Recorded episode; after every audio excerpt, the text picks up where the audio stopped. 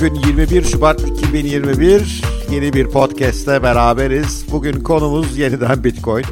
Aslında niyetim bu hafta Bitcoin konusunda birkaç yeni podcast daha yapıyor olmak. Çünkü biliyorsunuz çok çılgınca şeyler oluyor. Ben şu an ekrana bakıyorum 56 bin doların üzerinde bir değerleme var. Dün 57 bini zorladı. Bu hafta 60 bin olursa şaşırmamak lazım. Ama neler oluyor? Neden bu kadar değer hızlı artıyor konusu tabii herkes kafa yoruyor. Temelde görülmeyen bir şey var. Bugün onun üzerine biraz duracağım. Bitcoin kıtlığı var. Bitcoin kıtlığı var. Bunu rakamlarla size anlatacağım şimdi. Yani dijital bir varlıkta nasıl kıtlık olur değil mi? Şaşırıyorsunuz buna belki ama ciddi bir kıtlık var. Ve eğer arz talep bu şekilde akmaya devam ederse fiyat nerelere kadar gider biraz hayal kurması bile zor. Ama unutmayın anlatacaklarım bir yatırım tavsiyesi değil sadece kendi görüşlerim ve biraz araştırmamın sonuçları. Hazırsanız başlıyoruz. Biliyorsunuz Bitcoin yazılımı itibariyle, programlaması itibariyle 21 milyon adetlik üretimle kısıtlanmış durumda. Ee, 21 milyon adetten sonra daha fazla Bitcoin üretilmiyor olacak. Şu ana kadar 18 milyon 633 bin 756 adet Bitcoin üretilmiş. Bu dünkü rakam. Dün hazırlığımı yapmıştım. Bugün işte üzerine biraz daha eklendi. E, toplamda 21 milyon Bitcoin'e doğru gidiyorsak zaten e, yeni üretilecek Bitcoin sayısı 3 milyonun altında. O halde bir oradan bir kısıtlamamız var. Ama tek kısıtlama orada değil. Yani Bitcoin'in değerleriyle ilgili en büyük açıklamalardan bir tanesidir. Bu 20 milyon üst, 21 milyon üst sınırı var diye doğru. Ama acaba şu ana kadar üretilmiş Bitcoin'lerin yüzde kaçı ticarete açık, trade'e açık ve likit durumda bir ona bakmak lazım. Mevcut durumda e, araştırmada tahminlere göre şu ana kadar üretilen bitcoinlerin 4 milyon adedi kaybolmuş durumda. Yani nasıl kayboldu bunlar? Şifreler yanlış hatırlanmadı, sahibi öldü, miras olarak bırakmayı unuttu, hacklendi, kayboldu ortadan, erişilemiyor vesaire. 4 milyon civarında zaten böyle bitcoin var. Yani işte kabaca 18,5 milyon mevcutta bitcoin varsa bunun 4 milyon ortadan kaldıysa geriye kalıyor 14,5 milyon bitcoin. E diyebilirsiniz ki ya hocam 14,5 milyon, milyon bitcoin az mı? Kime yetmez ki? Ama durum tam öyle değil çünkü bu 14,5 milyon bitcoin'in çok büyük bölümü ticarete açık değil şu anda. Yani alıp satamıyorsunuz.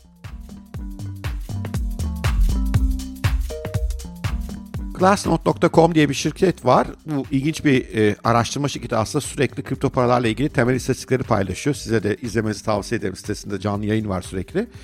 O diyor ki e, şu anda diyor 18,5 milyon bitcoin var gibi gözüküyor mu siz ona bakmayın diyor. Bunun diyor 14,5 milyonu tamamen illiquid yani e, akmıyor diyor. Erişemezsiniz ona diyor. Bunun bir kısmı kayıp bitcoinler demin söyledim. Bir kısmı da cüzdanlara çekilmiş olan bitcoin, sert cüzdanlara. Sert cüzdan veya işte hard wallet e, nasıl artık adını koyarsanız e, işte bu bir takım USB stick gibi cüzdanlar var belki biliyorsunuz. Yani Bitcoin'ünüzü webten, internetten alıp bunlara taşımış oluyorsunuz. İşte hacklenmelere karşı kendinizi koruyorsunuz, çalınmalara karşı kendinizi koruyormuş oluyorsunuz. Bunun diyor adedi diyor e, kaybolanlarla beraber bir yere getirdiğiniz zaman 14,5 milyonu buluyor diyor. E, 1.2 milyon kadar Bitcoin de diyor e, cüzdanlarda duruyor. Bir de sıcak cüzdanlar var. İşte bunlar da yine bir takım e, cüzdan hizmeti sunan e, Bitcoin'inizi internette tuttuğunuz ama işte exchange'lerden, pazar yerlerinden uzak tuttuğunuz ortamlar. Burada da diyor 1.2 milyon civarında diyor e, şey var, Bitcoin var. Bunlar da diyor aslında pek erişimi açık değiller. İnsanlar bunları bozdurmak konusunda çok çekingen bakıyor diyor. Bu durumda diyor elimizde kaldı diyor kala kala 3 milyon Bitcoin. 3 milyon adet Bitcoin var. Bu 3 milyon Bitcoin pazar yerlerinde duruyor. Günlük trade'lerde kullanılıyor. İşte alıyor satıyor insanlar. Günlük paralar kazanıyorlar vesaire. Ve Glassnode'un raporu diyor ki bu da aslında gerileme halinde şu anda. Ve gittikçe Bitcoin'in değeri özellikle arttıkça daha fazla insan cüzdanlarına çekiyor Bitcoin'i. Ve hodler durumuna dönüyor. Yani hodler, holder nasıl diyorsanız artık bir sürü isimleri var. Ben Bitcoin'in sonsuza kadar yükseleceğine inanıyorum. E, asla düşmeyecek. O yüzden kenara alıp tutacağım diyenler bunların sayısına artış olduğunu ve cüzdanlara giden bitcoinlerin geriye dönme eğiliminde olmadığını ortaya koyuyor. E, bu durumda ortalıkta ciddi bir bitcoin kıtlığı var demektir. Şimdi Bitcoin'in değeri makul bir değer mi değil mi ne işe yarar yani bu tartışmalara tekrar girmeyelim. Defalarca kez konuşuluyor bunlar ve hani bu konuda görüş birliği sağlamak zor. Ama şu net bir şey yani bunu kimse itiraz edemez herhalde. Her şeyin fiyatını sonuçta arz talep belirler. haklı veya haksız, aptal veya çok akıllı olduğumuz için pek çok insan Bitcoin'e talep gösteriyor şu anda. Ve gösterilen talep de artıyor. İşte her hafta bununla ilgili paylaşımlar ben de yapıyorum. Bir sürü kaynaklarda da var. Ee, şimdi kurumların da buna girmesi, bundan ilgili fonların, ETF'lerin kuruluyor olması, işte Tesla gibi büyük şirketlerin Bitcoin alıyor olmaları. Yani bunlar hep aslında Bitcoin olan talebin arttığını gösteren şeyler. E bir şeye olan talep sürekli artıyorsa, arzı da kıtsa ne olur ona sizce? Bu kadar basit aslında matematik kuralı değer artmaya devam eder. Yani mevcuttaki kıt Bitcoin ile bu talep artış devam ederse ve o Bitcoin'i elinde tutan, Bitcoin cüzdanları taşımış olan insanlar Bitcoin'in uzun vadede daha da değerini artacağı inanırsa ki şu andaki değer artışı o inancı kuvvetlendirecek bir şey. Ortadaki Bitcoin kıtlığı daha da sert hale gelecek demektir. Bir de şunu göz önüne almak lazım. Bazı insanlarda büyük Bitcoin var. Yani mesela Winklevoss kardeşler bu Facebook'un kurucuları biliyorsunuz e, Facebook'ta olan davayı Zuckerberg'e karşı açtıkları davayı kazandıktan sonra aldıkları paranın büyük bölümü Bitcoin ayırdılar. O dönemde yani 2015 civarında 170 bin 200 bin arası e, Bitcoin altın tahmin ediyoruz. Daha sonra üzerine eklemiş olabilirler. E, Novagard başka büyük bir yatırımcı 500 bin civarı Bitcoin'i var diye hesaplıyoruz. E, Grayscale diye büyük bir fon var. 526 bin Bitcoin'e sahip şu anda. Ve aşağı yukarı üretilen her günkü Bitcoin'in tamamını satın alıyor minerlardan. Yani ortalıkta alınacak Bitcoin'e bırakmıyor. E, Çamat bu önemli yatırımcılardan bir tanesi. Onun da 1 milyon civarı Bitcoin olduğu tahmin ediyoruz. Yani tabii bu hesapları bilmek çok zor. E bir de Satoshi'nin, Satoshi Nakamoto'nun kendi Bitcoin'leri var asla piyasaya çıkmayan. Böyle bakınca aslında bu insanlar zaten çok zengin insanlar. E, başka alanlarda da büyük servetleri var. Kolay kolay açıkçası Bitcoin'lerini öyle küçük hareketlerde satacaklarını düşünmüyorum. Bu insanların bir bölümünün Bitcoin'in 100 bin dolarla 1 milyon dolar arasındaki bir değere doğru ulaşmasını hedeflediklerini, beklediklerini tahmin ediyorum.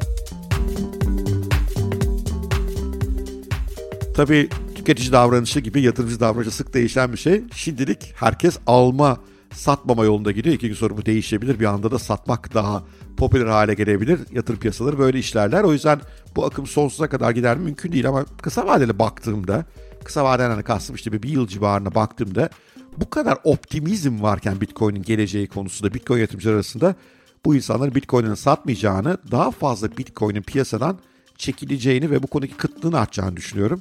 Ve buna talep gelme devam ettik sürece de değeri artabilir diye düşünüyorum. Ama tabii bilmiyoruz neler değişir. Bu işleri bilmek zor. Bilmek kolay olsaydı her şeyimizi satıp buna girerdik. Öyle yapmıyoruz. Bitcoin hala yüksek riskli bir varlık olduğu için riskimizi doğru yöneterek bizi üzmeyecek miktarlarda yatırım yapmaya devam ediyoruz. Bir başka tahminim de eğer bu işler böyle giderse yakında Bitcoin değil SAT konuşuyor olacağız. Biliyorsunuz Bitcoin'in 100 milyonda birine Satoshi birimi deniyor veya SAT birimi. Yani bir şeyin değeri çok artçı artık onu almak mümkün değil. Mesela altında gidip kiloyla altın almak artık imkansız gibi.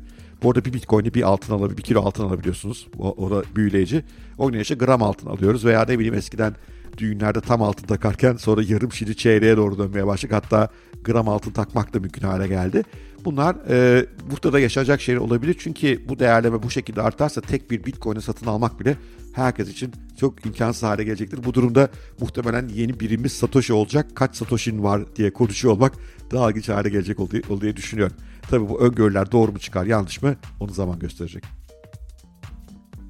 Evet, bugünkü podcast'in sonuna da geldik. Umarım ilginizi çekmiştir. Bitcoin kıtlığı meselesini biraz anlatabilmişimdir. Unutmayın, anlattıklarım asla bir yatırım tavsiyesi değil. Kendi görüşlerimi sadece ifade ediyorum. Bitcoin hala çok riskli, bir varlık. Yatırımınızı yapmadan önce iyice planlamanızı, düşünmenizi tavsiye ederim. Ee, yakın zamanda herhalde bu hafta içerisinde birkaç Bitcoin e, şeyi daha var aklımda podcast'te. İlki Bitcoin'in enerji tüketimi efsanesiyle ilgili o Bitcoin çok enerji tüketiyor, dünya için çok kötü bir şey meselesini bir ele alacağız. Doğru mu değil mi yoksa bir dedikodudan mı ibaret ne yapmak lazım bu konuda onu biraz tartışıyor olacağım. Yarın veya öbür gün o podcast'te karşınızda oluyor olacağım. Evet Bitcoin çok hareketli, çok heyecanlı günler yaşanıyor. Ben de elimden geldiğince sizlere aydınlatmaya devam etmeye çalışacağım. Görüşmek üzere, hoşçakalın, sevgiyle kalın.